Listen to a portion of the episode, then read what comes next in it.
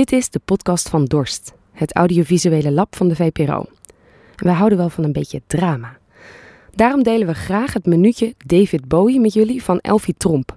Die maakte zij onder hoge tijdsdruk en met weinig middelen in de podcastworkshop die wij organiseerden voor jonge makers. Veel plezier. Daar sta ik, op het bruiloftsfeest van een kennis. We zijn in Club Aknaton. Vijftien jaar geleden kwam ik hier vaak en ik dans, net als vroeger, met veel armzwaaien en gespring. Ik heb er zin in. Ik heb twee gin tonics te veel op en de DJ zet David Bowie op.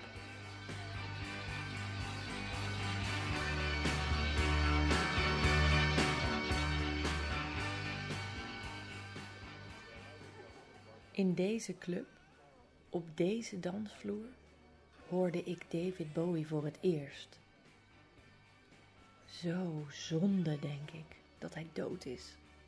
Hij had nog zoveel willen doen. David Bowie is dood en ik sta nog steeds hier. Op een kleine dansvloer in Amsterdam. Met al mijn dromen. Het was geen fraai gezicht.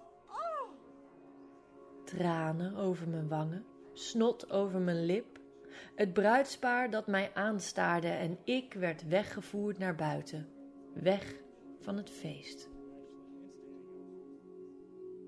En daar ging ik, dronken, verlept en nog even wanhopig als een tiener strompelde ik naar de nachttrein. En David Bowie zong gewoon door.